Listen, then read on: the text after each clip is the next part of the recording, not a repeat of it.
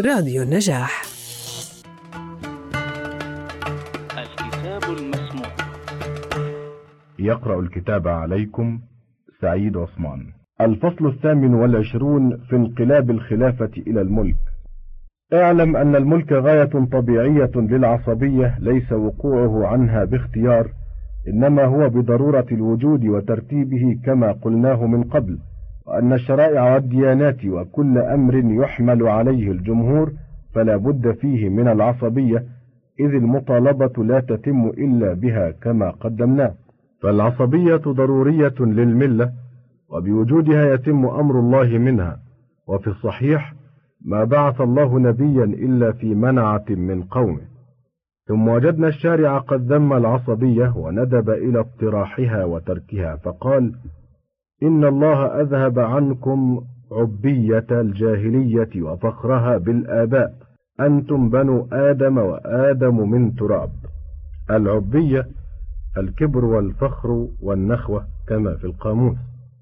وقال تعالى إن أكرمكم عند الله أتقاكم. الآية الثالثة عشر من سورة الحجرات. وجدناه أيضا قد ذم الملك وأهله ونعى على أهله أحوالهم من الاستمتاع بالخلاق والإسراف في غير القصد والتنكب عن صراط الله وإنما حض على الألفة في الدين وحذر من الخلاف والفرقة. واعلم أن الدنيا كلها وأحوالها مطية للآخرة ومن فقد المطية فقد الوصول وليس مراده فيما ينهى عنه أو يذمه من أفعال البشر. أو يندب إلى تركه إهماله بالكلية أو اقتلاعه من أصله وتعطيل القوى التي ينشأ عليها بالكلية إنما قصده تصريفها في أغراض الحق جهد الاستطاعة حتى تصير المقاصد كلها حقا وتتحد الوجهة كما قال صلى الله عليه وسلم من كانت هجرته إلى الله ورسوله فهجرته إلى الله ورسوله ومن كانت هجرته إلى دنيا يصيبها أو امرأة يتزوجها فهجرته إلى ما هاجر إليه. فلم يذم الغضب وهو يقصد نزعه من الإنسان فإنه لو زالت منه قوة الغضب لفقد منه الانتصار للحق وبطل الجهاد وإعلاء كلمة الله. وإنما يذم الغضب للشيطان وللأغراض الذميمة. فإذا كان الغضب لذلك كان مذموما. وإذا كان الغضب في الله ولله كان ممدوحا وهو من شمائله صلى الله عليه وسلم. وكذا ذم الشهوات أيضا ليس المراد إبطالها بالكلية فإن من بطلت شهوته كان نقصا في حقه وإنما المراد تصريفها فيما أبيح له باشتماله على المصالح ليكون الإنسان عبدا متصرفا طوع الأوامر الإلهية. وكذا العصبية حيث ذمها الشارع وقال لن تنفعكم أرحامكم ولا أولادكم الآية الثالثة من سورة الممتحنة فإنما مراده حيث تكون العصبية على الباطل وأحواله كما كانت في الجاهلية وأن يكون لأحد فخر بها أو حق على أحد لأن ذلك مجان من أفعال العقلاء وغير نافع في الآخرة التي هي دار القرار. فأما إذا كانت العصبية في الحق وإقامة أمر الله فأمر مطلوب ولو بطل لبطلت الشرائع إذ لا يتم قوامها إلا بالعصبية كما قلناه من قبل. وكذا الملك لما ذمه الشارع لم يذم منه الغلب بالحق وقهر الكافة على الدين ومراعاة المصالح وإنما ذمه لما فيه من التغلب بالباطل وتصريف الآدميين طوع الأغراض والشهوات كما قلنا. فلو كان الملك مخلصا في غلبه للناس أنه لله ولحملهم على عبادة الله وجهاد عدوه لم يكن ذلك مذموما. وقد قال سليمان صلوات الله عليه قال رب اغفر لي وهب لي ملكا لا ينبغي لأحد من بعدي. الآية الخامسة والثلاثون من سورة صاد. وقد قال سليمان صلوات الله عليه قال رب اغفر لي وهب لي ملكا لا ينبغي لأحد من بعدي لما علم من نفسه أنه بمعزل عن الباطل في النبوة والملك. ولما لقي معاوية عمر بن الخطاب رضي الله عنهما عند قدومه إلى الشام في أبهة الملك وزيه من العديد والعدة استنكر ذلك وقال أكسروية يا معاوية؟ يعني أتشبها بكسرى في متاع الدنيا ومظاهرها فقال يا أمير المؤمنين إنا في ثغر تجاه العدو وبنا إلى مباهاتهم بزينة الحرب والجهاد حاجة. فسكت ولم يخطئها لما احتج عليه بمقصد من مقاصد الحق والدين. فلو كان القصد رفض الملك من أصله لم يقنعه الجواب في تلك الكسروية وانتحالها. بل كان يحرض على خروجه عنها بالجملة وإنما أراد عمر بالكسروية ما كان عليه أهل فارس في ملكهم من ارتكاب الباطل والظلم والبغي وسلوك سبله والغفلة عن الله وأجابه معاوية بأن القصد بذلك ليس كسروية فارس وباطلهم وإنما قصده بها وجه الله فسكت. وهكذا كان شأن الصحابة في رفض الملك وأحواله. ونسيان عوائده حذرا من التباسها بالباطل.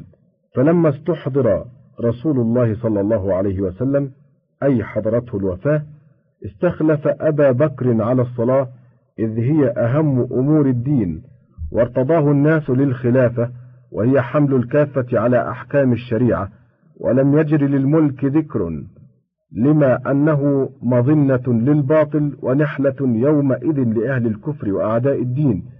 فقام بذلك أبو بكر ما شاء الله متبعا سنن صاحبه وقاتل أهل الردة حتى اجتمع العرب على الإسلام.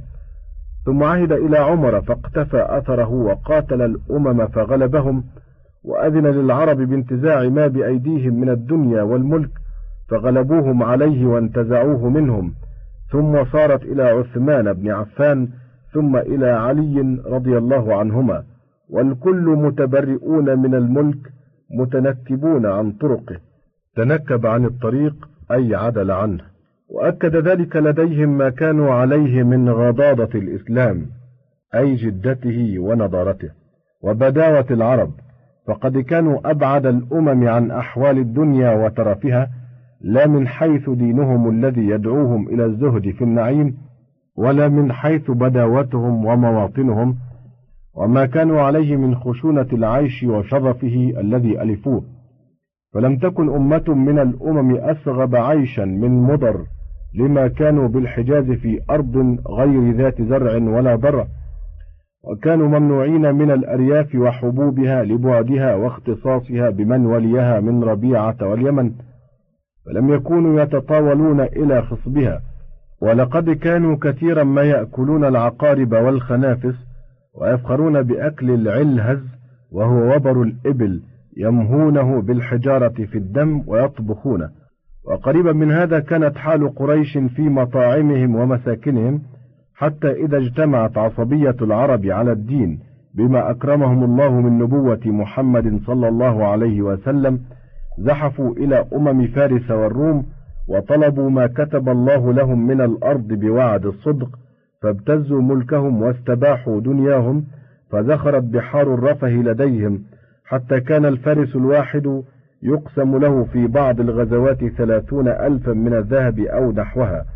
فاستولوا من ذلك على ما لا يأخذه الحصر وهم مع ذلك على خشونة عيشهم. فكان عمر يرقع ثوبه بالجلد وكان علي يقول يا صفراء ويا بيضاء غري غيري. الصفراء والبيضاء هي قطع الذهب والفضة. وكان أبو موسى يتجافى عن أكل الدجاج لأنه لم يعهدها للعرب لقلتها يومئذ. وكانت المناخل مفقودة عندهم بالجملة وإنما يأكلون الحنطة بنخالها ومكاسبهم مع هذا أتم ما كانت لأحد من أهل العالم. قال المسعودي في أيام عثمان اقتنى الصحابة الضياع والمال فكان له يوم قتل عند خازنه خمسون ومائة ألف دينار وألف ألف درهم وقيمة ضياعه بوادي القرى وحنين وغيرهما مئة ألف دينار وخلف إبلا وخيلا كثيرة وبلغ الثمن الواحد من متروك الزبير بعد وفاته خمسين ألف دينار وخلف ألف فرس وألف أمة وكانت غلة طلحة من العراق ألف دينار كل يوم ومن ناحية السراه أكثر من ذلك وكان على مربط عبد الرحمن بن عوف ألف فرس وله ألف بعير وعشرة آلاف من الغنم وبلغ الربع من متروكه بعد وفاته أربعة وثمانين ألفا وخلف زيد بن ثابت من الفضة والذهب ما كان يكسر بالفؤوس غير ما خلف من الأموال والضياع بمائة ألف دينار. وبنى الزبير داره بالبصرة وكذلك بنى بمصر والكوفة والإسكندرية وكذلك بنى طلحة داره بالكوفة وشيد داره بالمدينة وبناها بالجص والآجر والساج. وبنى سعد بن أبي وقاص داره بالعقيق ورفع سمكها وأوسع فضاءها وجعل على أعلاها شرفات. وبنى المقداد داره بالمدينة وجعلها مجصصة الظاهر والباطن وخلف يعلى ابن منية خمسين ألف دينار وعقارا وغير ذلك ما قيمته ثلاثمائة ألف درهم. انتهى كلام المسعودي. فكانت مكاسب القوم كما تراه. ولم يكن ذلك منعيا عليهم في دينهم إذ هي أموال حلال لأنها غنائم وفيوء. فيوء جمع فيء وهو ما يحصل عليه جيش المسلمين من الأعداء بدون قتال. ولم يكن تصرفهم فيها بإسراف إنما كانوا على قصد في أحوالهم كما قلناه فلم يكن ذلك بقادح فيهم. وإن كان الاستكثار من الدنيا مذموما فإنما يرجع إلى ما أشرنا إليه من الإسراف والخروج به عن القصد. وإذا كان حالهم قصدا ونفقاتهم في سبل الحق ومذاهبه كان ذلك الاستكثار عونا لهم على طرق الحق واكتساب الدار الآخرة. فلما تدرجت البداوة والغضاضة إلى نهايتها وجاءت طبيعة الملك التي هي مقتضى العصبية كما قلنا وحصل التغلب والقهر كان حكم ذلك الملك عندهم حكم ذلك الرفه والاستكثار من الأموال. فلم يصرفوا ذلك التغلب في باطل ولا خرجوا به عن مقاصد الديانة ومذاهب الحق. ولما وقعت الفتنة بين علي ومعاوية وهي مقتضى العصبية كان طريقهم فيها الحق والاجتهاد ولم يكونوا في محاربتهم لغرض دنيوي أو لإيثار باطل أو لاستشعار حقد كما قد يتوهمه متوهم وينزع إليه ملحد. وإنما اختلف اجتهادهم في الحق وسفه كل واحد نظر صاحبه باجتهاده في الحق فاقتتلوا عليه وإن كان المصيب عليا فلم يكن معاوية قائما فيها بقصد الباطل إنما قصد الحق وأخطأ والكل كانوا في مقاصدهم على حق. ثم اقتضت طبيعة الملك الانفراد بالمجد واستئثار الواحد به ولم يكن لمعاوية أن يدفع ذلك عن نفسه وقومه فهو أمر طبيعي ساقته العصبية بطبيعتها واستشعرته بنو أمية. ومن لم يكن على طريقة معاوية في اقتفاء الحق من أتباعهم فاعصوصبوا عليه اعصوصبت الإبل جدت في السير واجتمعت واعصوصب الشر أي اشتد. ومن لم يكن على طريقة معاوية في اقتفاء الحق من أتباعهم فاعصوصبوا عليه واستماتوا دونه ولو حملهم معاوية على غير تلك الطريقة وخالفهم في الانفراد بالأمر لوقع في افتراق الكلمة التي كان جمعها وتأليفها أهم عليه من أمر ليس وراءه كبير مخالفة. وقد كان عمر بن عبد العزيز رضي الله عنه يقول إذا رأى القاسم بن محمد بن أبي بكر لو كان لي من الأمر شيء لوليته الخلافة ولو أراد أن يعهد إليه لفعل ولكنه كان يخشى من بني أمية أهل الحل والعقد لما ذكرناه؟ فلا يقدر أن يحول الأمر عنهم لئلا تقع الفرقة وهذا كله إنما حمل عليه منازع الملك التي هي مقتضى العصبية. فالملك إذا حصل فرضنا أن الواحد انفرد به وصرفه في مذاهب الحق ووجوهه لم يكن في ذلك نكير عليه. ولقد انفرد سليمان وأبوه داود صلوات الله عليهما بملك بني إسرائيل لما اقتضته طبيعة الملك من الانفراد به وكانوا ما علمت من النبوة والحق. وكذلك عهد معاوية إلى يزيد خوفا من افتراق الكلمة بما كانت بنو أمية لم يرضوا تسليم الأمر إلى من سواهم. فلو قد عهد إلى غيره اختلفوا عليه مع أن ظنهم كان به صالحا ولا يرتاب أحد في ذلك ولا يظن بمعاوية غيره. فلم يكن ليعهد إليه وهو يعتقد ما كان عليه من الفسق حاشا لله لمعاوية من ذلك. وكذلك كان مروان بن الحكم وابنه وإن كانوا ملوكا لم يكن مذهبهم في الملك مذهب أهل البطالة والبغي إنما كانوا متحرين لمقاصد الحق جهدهم إلا في ضرورة تحملهم على بعضها مثل خشية افتراق الكلمة الذي هو أهم لديهم من كل مقصد. يشهد لذلك ما كانوا عليه من الاتباع والاقتداء وما علم السلف من أحوالهم ومقاصدهم. فقد احتج مالك في الموطأ بعمل عبد الملك وأما مروان فكان من الطبقة الأولى من التابعين وعدالتهم معروفة. ثم تدرج الأمر في ولد عبد الملك وكانوا من الدين بالمكان الذي كانوا عليه. وتوسطهم عمر بن عبد العزيز فنزع إلى طريقة الخلفاء الأربعة والصحابة جهده ولم يهمل.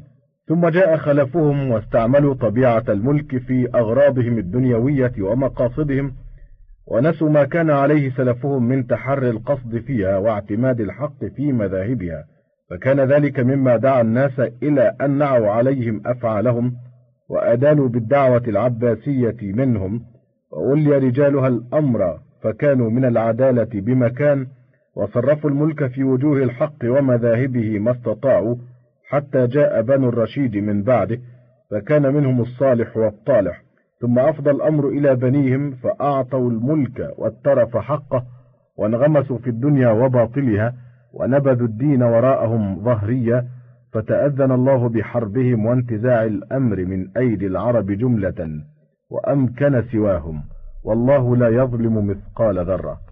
ومن تأمل سير هؤلاء الخلفاء والملوك واختلافهم في تحري الحق من الباطل علم صحة ما قلناه. وقد حكى المسعودي مثله في أحوال بني أمية عن أبي جعفر المنصور.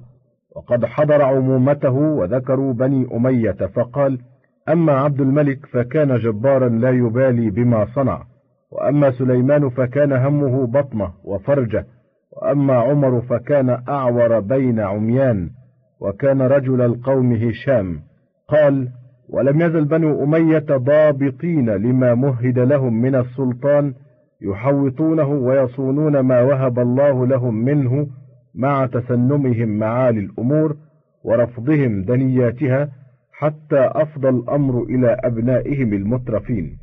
فكانت همتهم قصد الشهوات وركوب اللذات من معاصي الله جهلا باستدراجه وأمنا لمكره مع اطراحهم صيانة الخلافة واستخفافهم بحق الرئاسة وضعفهم عن السياسة فسلبهم الله العز وألبسهم الذل ونفى عنهم النعمة. ثم استحضر عبد الله قوله عبد الله كذا في النسخة التونسية وبعض الفارسية وفي بعضها عبد الملك وأظنه تصحيفا قاله نصر. ثم استحضر عبد الله بن مروان فقص عليه خبره مع ملك النوبة لما دخل أرضهم فارا أيام السفاح. قال أقمت مليا الملي الساعة الطويلة من النهار. قال أقمت مليا ثم أتاني ملكهم فقعد على الأرض وقد بسطت لي فرش ذات قيمة. فقلت ما منعك عن القعود على ثيابنا؟ فقال إني ملك وحق لكل ملك أن يتواضع لعظمة الله إذ رفعه الله. ثم قال لي لم تشربون الخمر وهي محرمة عليكم في كتابكم؟ فقلت اجترأ على ذلك عبيدنا وأتباعنا. قال فلم تطؤون الزرع بدوابكم والفساد محرم عليكم؟ قلت فعل ذلك عبيدنا وأتباعنا بجهلهم. قال فلم تلبسون الديباج والذهب والحرير وهو محرم عليكم في كتابكم؟ قلت ذهب منا الملك وانتصرنا بقوم من العجم دخلوا في ديننا فلبسوا ذلك على الكره منا فأطرق ينكت بيده في الأرض ويقول عبيدنا وأتباعنا وأعاجم دخلوا في ديننا ثم رفع رأسه إلي وقال ليس كما ذكرت بل أنتم قوم استحللتم ما حرم الله عليكم وأتيتم ما عنه نهيتم وظلمتم فيما ملكتم فسلبكم الله العز وألبسكم الذل بذنوبكم. ولله نقمة لم تبلغ غايتها فيكم وأنا خائف أن يحل بكم العذاب وأنتم ببلدي فينالني معكم. وإنما الضيافة ثلاث فتزود ما احتجت إليه وارتحل عن أرضي فتعجب المنصور وأطرق. فقد تبين لك كيف انقلبت الخلافة إلى الملك وأن الأمر كان في أوله خلافة ووازع كل أحد فيها من نفسه وهو الدين. وكانوا يؤثرونه على أمور دنياهم وإن أفضت إلى هلاكهم وحدهم دون الكافة. فهذا عثمان لما حصر في الدار جاءه الحسن والحسين وعبد الله بن عمر وابن جعفر وأمثالهم يريدون المدافعة عنه فأبى ومنع من سل السيوف بين المسلمين مخافة الفرقة وحفظا للألفة التي بها حفظ الكلمة ولو أدى إلى هلاكه. وهذا علي أشار عليه المغيرة لأول ولايته باستبقاء الزبير ومعاوية وطلحة على أعمالهم حتى يجتمع الناس على بيعته وتتفق الكلمة وله بعد ذلك ما شاء من أمره وكان ذلك من سياسة الملك فأبى فرارا من الغش الذي ينافيه الإسلام وغدا عليه المغيرة من الغداة فقال لقد أشرت عليك بالأمس بما أشرت ثم عدت إلى نظري فعلمت أنه ليس من الحق والنصيحة وأن الحق فيما رأيته أنت. فقال علي لا والله بل أعلم أنك نصحتني بالأمس وغششتني اليوم ولكن منعني مما أشرت به زائد الحق.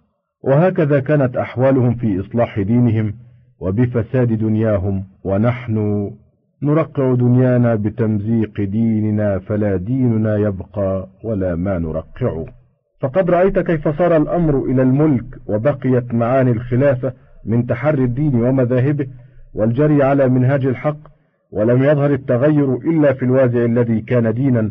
ثم انقلب عصبية وسيفا وهكذا كان الأمر لعهد معاوية ومروان وابنه عبد الملك والصدر الأول من خلفاء بني العباس إلى الرشيد وبعض ولده ثم ذهبت معاني الخلافة ولم يبق إلا اسمها وصار الأمر ملكا بحتا وجرت طبيعة التغلب إلى غايتها واستعملت في أغراضها من القهر والتقلب في الشهوات والملاذ.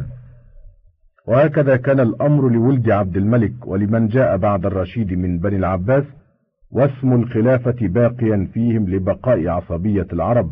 والخلافة والملك في الطورين ملتبس بعضهما ببعض ثم ذهب رسم الخلافة وأثرها بذهاب عصبية العرب وفناء جيلهم وتلاشي أحوالهم وبقي الأمر ملكا بحتا كما كان الشأن في ملوك العجم بالمشرق يدينون بطاعة الخليفة تبركا والملك بجميع ألقابه ومناحيه لهم وليس للخليفة منه شيء. وكذلك فعل ملوك زناتة بالمغرب مثل صنهاجة مع العبيديين ومغزاوة وبني يفر أيضا مع خلفاء بني أمية بالأندلس والعبيديين بالقيروان.